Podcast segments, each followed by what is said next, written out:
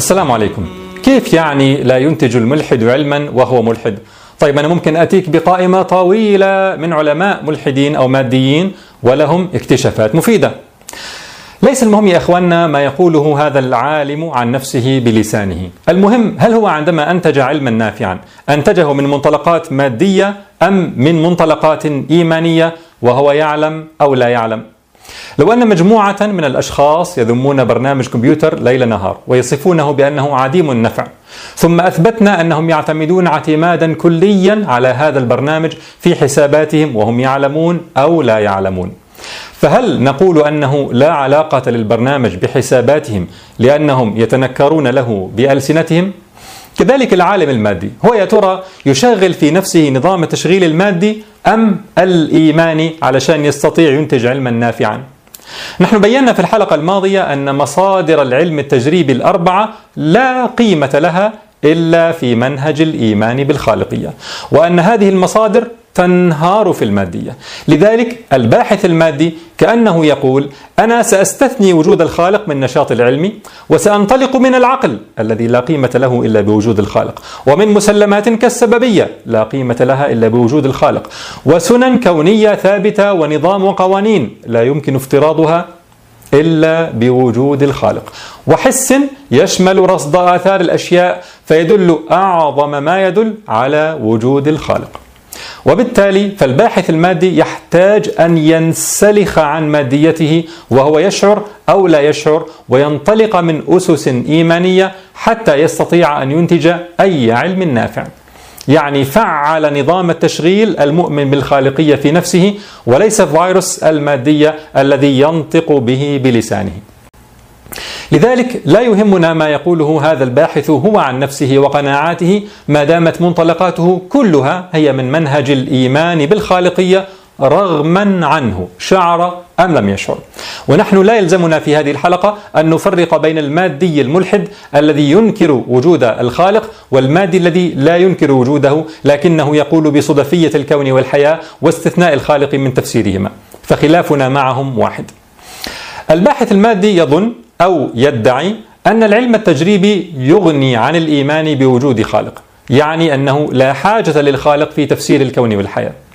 هل تعلمون يا أحبة ماذا يفعل هذا المادي؟ إنه يقوم بمغالطتين. المغالطة الأولى تسمى مغالطة المفهوم المسروق ستالين كونسبت فالسي تعرف على أنها مغالطة استخدامك لمفهوم ما بينما أنت تنكر صحة الأصول التي يبنى عليها هذا المفهوم. بحثت كثيرا لأجد لكم مثالا يوضح هذه المغالطة فلم أجد أوضح مما يفعله الباحث المادي. فهو حين يستكشف الكون باحثا عن أسباب الظواهر واثقا بعقله في ذلك متخذا السببية مسلمة لا يشك فيها واثقا بوجود نظام وقوانين مستدلا على الأشياء برصد آثارها فإن منطلقاته هذه كلها تكتسب قيمتها من وجود خالق فاضطر لسرقتها من منهج الإيمان بالخالقية أدرك أم لم يدرك. تعالوا نعود للتعريف. مغالطة استخدامك لمفهوم ما بينما أنت تنكر صحة الأصول التي يبنى عليها هذا المفهوم. المادي استخدم هذه المنطلقات وهو ينكر الأصل الذي تقوم عليه هذه المنطلقات ألا وهو الإيمان بالخالقية. حتى إذا ما عرف هذا الباحث أسباب الظواهر وقع في مغالطة أخرى فقال: عرفت السبب فلا حاجة لخالق في تفسير الكون والحياة. فجعل الأسباب بديلة عن عن المسبب الأول الذي لا غنى عنه بالدليل العقلي الذي يمنع تسلسل الأسباب إلى ما لا بداية كما بينا في حلقة لماذا لا بد من خالق. فهذا المادي كأنه عمليا يقول في المحصلة لا خالق لأنه لا بد من خالق. منطلقاته تستند إلى وجود خالق ثم وظف نتيجة استكشافه لنفي وجود خالق. لذلك عندما يستدل عليك الماديون بنسب الباحثين الملحدين والماديين فمن الخطأ أن تستدل عليهم في المقابل بنسب بنسب المؤمنين بوجود خالق أو أن تقول لهم نسبة العلماء المؤمنين بالخالق الحائزين على جائزة نوبل كذا وكذا. يا جماعة مالنا ومال هذه الأرقام؟ الطريقة الصحيحة هي أن تبحث عن منطلقات العلم الحقيقية التي انطلق منها أي بحث نافع سواء في الشخص المادي أو الشخص المقر بالخالقية وحينئذ ستجد أن النسبة هي مئة بالمئة من منهج الإقرار بالخالقية مهما قال الباحثون بألسنتهم.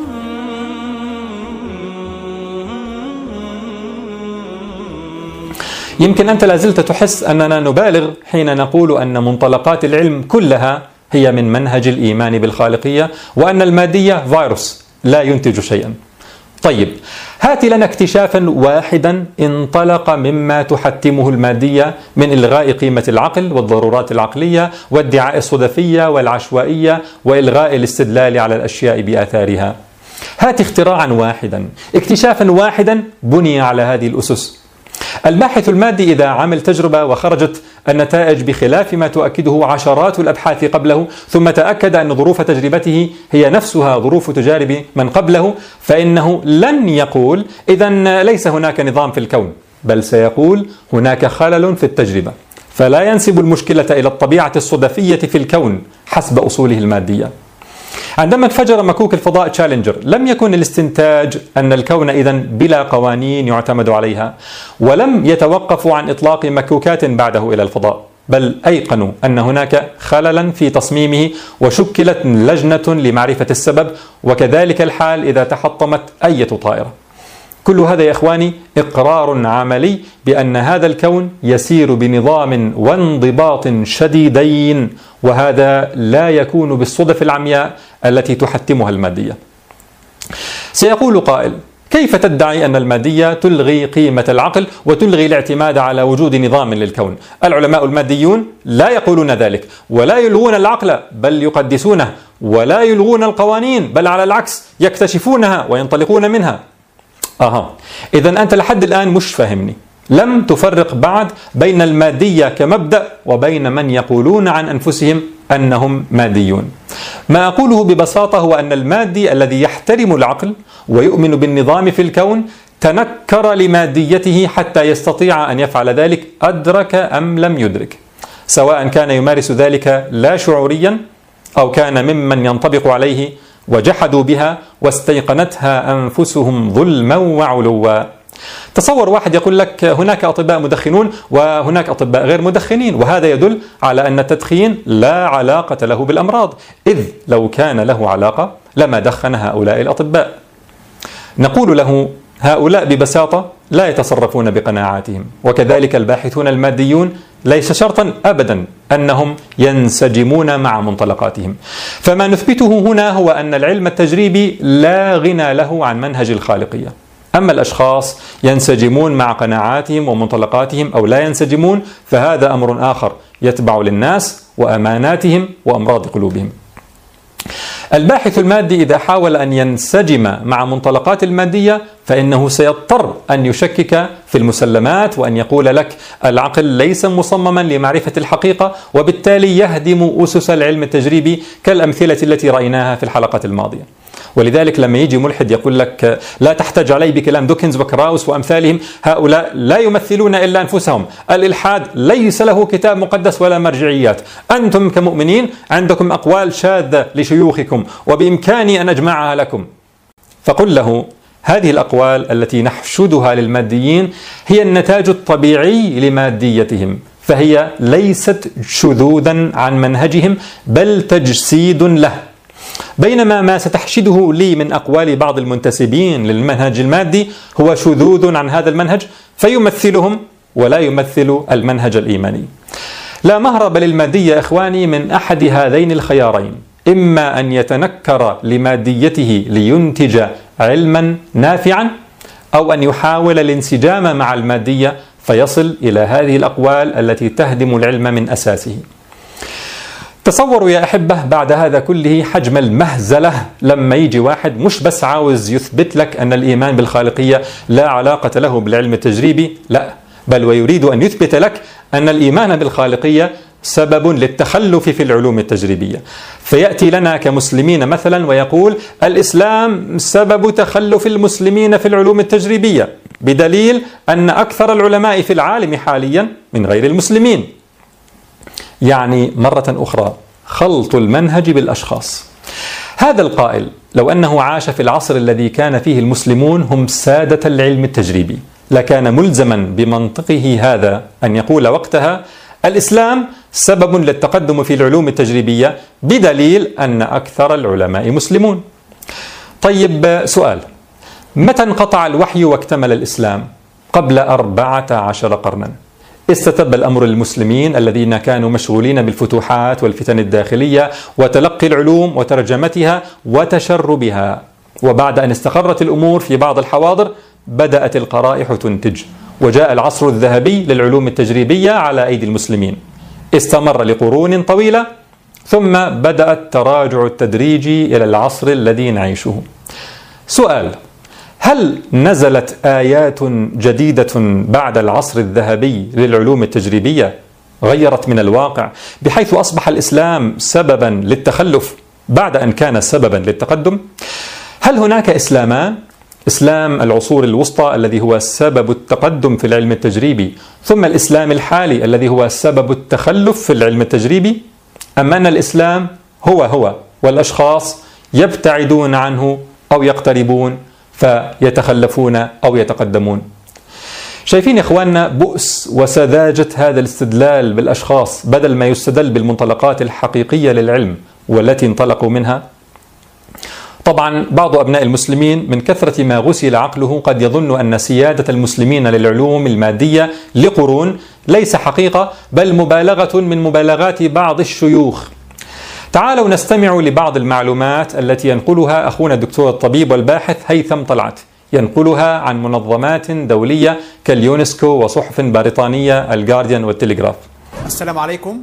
أقدم جامعة ما زالت تعمل بحسب اليونسكو هي جامعة القرويين التي أنشأها المسلمون في القرن الثالث الهجري 245 هجرية أقدم مكتبة في العالم ما زالت موجودة بها كتب ومراجع علمية تعود للقرن التاسع الميلادي هي مكتبة إسلامية على مدى سبعة قرون كاملة 700 عام. كانت اللغة الدولية للعلوم في العالم هي اللغة العربية. وكانت بغداد مركزا للثقافة والعلم والتجربة والمعمل والفيزياء والفلك. لا يعلم كثير من أبناء المسلمين أن المكتبة الأمريكية الوطنية للطب National Library of Medicine وهي أشهر مكتبة إلكترونية أستخدمها ويستخدمها كثير من الباحثين لتحصيل العلوم ونشر الأبحاث في تفرعاتها مثل PubMed.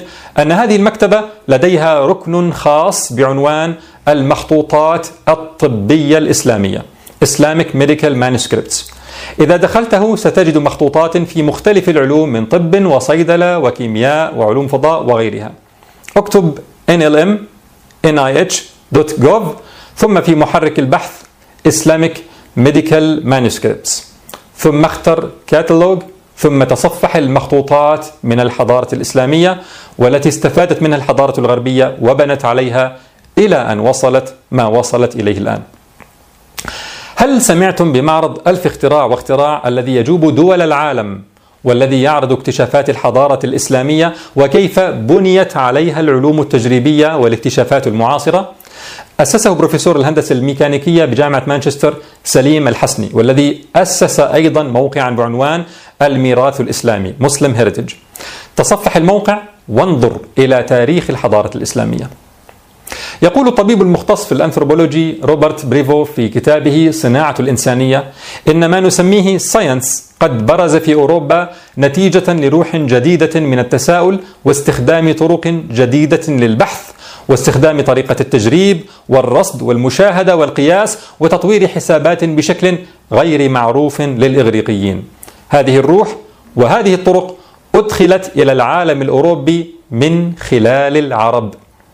وينقل الدكتور سامي العامري في كتابه براهين النبوة فصل العلم التجريبي شهادات مشابهة عن جورج سارتون الذي يعتبر مؤسس علم تاريخ العلوم وكذلك عالم الدراسات الكتابية هيرفك هيرشفيلد والفيلسوف الفيزيائي الملحد فيكتور ستينجر.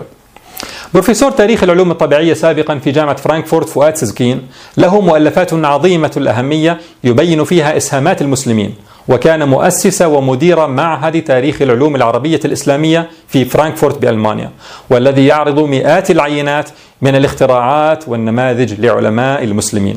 ثم أسس متحفا في إسطنبول بنفس الفكرة وتوفي العام الماضي.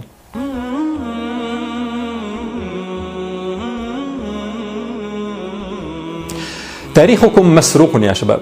تاريخكم مسروق تماما كما أن هناك سرقة فكرية من منهج الخالقية. المسلمون هم من أسس العلم التجريبي وهم كانوا سادته وواضعي القواعد التي بني عليها ما ترون الآن. وإذا كانت المناهج المدرسية في بلاد المسلمين لا تذكر شيئا من ذلك فلأنها ببساطة ما وجدت لتعليم أجيالنا. ما وجدت لتعليم أجيالنا بل لتجهيلهم بينما الطالب ووالداه يظنون أنها تعلم شيئا. إسهام المسلمين ليس في الماضي فقط بل وفي الحاضر كذلك. من أكثر العبارات التي يرددها المنهزمون نفسيا بببغاوية. أنتم تنتقدون الماديين مع أنهم صنعوا لكم كل شيء حتى الإنترنت الذي تستخدمونه في نشر أفكاركم. طيب ما رأيك إن علمت بأن أحد أهم من ساهم في هذا الإنترنت هو العالم المسلم الدكتور حاتم زغلول الذي ساهم في إنتاج التقنية التي بني عليها الواي فاي؟ وتقنية أخرى ساهمت في ال 4G وله براءات اختراع كثيرة منشورة وأبحاث تمت الإحالة إليها آلاف المرات وتلقى العديد من الجوائز. دكتور حاتم زغلول يؤمن بالله ويعتز بإيمانه هذا. يعني الحمد لله طول عمري ملتزم ف يعني الدين كان طول عمره الثابت الحقيقي في حياتي. يعني الواحد سافر غير بلده غير البيئة غير حاجات كتير قوي لكن فضل يصلي فضل يحضر الجمعة الحاجات دي كلها. ثانيا مع التقدم في الاقتصادي بالنسبة لي والاجتماعي ابتديت أحاول أدي تاني للمجتمع المسلم في كندا والمجتمع الكندي عامة. وده طبعا إدى الواحد راحة نفسية يعني تحس إنك بترجع من اللي أنت بتاخده من المجتمع. وربنا وفقني. وكنت رئيس الجالية الإسلامية في كالجري فترة طويلة. هذا مثال واحد من الأمثلة المهمشة عن وعي شبابنا. وإخواننا في الباحثون المسلمون لهم قائمة من العلماء المسلمين المعاصرين الأحياء بيننا. ونبذة عن كل منهم وعن إنجازاته. ومع هذا كله فأنا لم أورد هذه المعلومات لأثبت حاجة العلم التجريبي إلى الإيمان. علشان ما يجيش حد يقول لي حتى لو نشأ العلم التجريبي وازدهر على أيدي المسلمين فهذا لا يعني بالضرورة أن إسلامهم هو سبب تفوقهم. أنا أورد هذه المعلومات فقط لتعلم أن هناك من يهمش عمدا الجانب المشرق من الحضارة الإسلامية ومن إنجازات المسلمين الحالية. ثم بعد ذلك يقول لك انظر كيف المسلمون متخلفون في العلوم المادية. إذا فالإسلام سبب التخلف. ظلمات بعضها فوق بعض. جهل بالتاريخ وجهل بالواقع وضلال في الاستدلال وتراكم للمغالطات المنطقية. وإلا فحجتنا التي نتمسك بها ونفاخر بها هي إثبات أن كل المصادر التي يقوم عليها العلم التجريبي مستندة إلى الإيمان بالخالقية. الذين يستدلون اليوم بالتقدم المادي للغرب على صحة منهجهم المادي المعلن يمارسون مغالطة فرعون إذ استدل بالتقدم المادي على صحة دعواه فقال: أليس لي ملك مصر وهذه الأنهار تجري من تحتي أفلا تبصرون؟ طيب ما الذي يجعل الباحثين الماديين لا يلاحظون ولا يلاحظ من حولهم أنهم ينطلقون من منطلقات إيمانية. التفسير إخواني هو أن المنطلقات الإيمانية مركوزة في نفوسهم فطرة كما بينا في الحلقات عن الفطرة. هذه المنطلقات الإيمانية هي برنامج التشغيل الموجود أصلا في نفوسهم. المادية تشبه الفيروس تماما كما بينا في المخطوف. فالذي ينظر لهذا الباحث المصاب بفيروس المادية ويسمعه يتكلم بالأفكار المادية قد يتوهم أن ما ينتجه هذا الباحث من علم إنما هو من نتاج فيروس المادية بينما هو في الحقيقة من نتاج منهج الإقرار بالخالقية والمركوز أصالة في النفوس. ختاما يا كرام لأجل ما سبق لا ينتج الملحد علما وهو ملحد ولا ينتج المادي علما وهو مادي لا بد له أن ينسلخ شعوريا أو لا شعوريا عن إلحاده أو ماديته لينتج أي شيء نافع. فكل منطلقات العلم هي من منهج الإقرار بالخالقية غصب عنه وليقل بعد ذلك بلسانه ما شاء.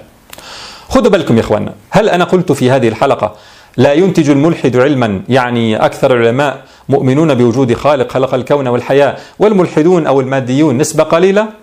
لا لم أقل ذلك ولا تهمنا النسب ومع ذلك حتشوفوا ناس من الملحدين يخدعون جمهورهم المستغفل بعنوان الحلقة وهم مطمئنون إلى أن جمهورهم لا يدقق ولا يحقق.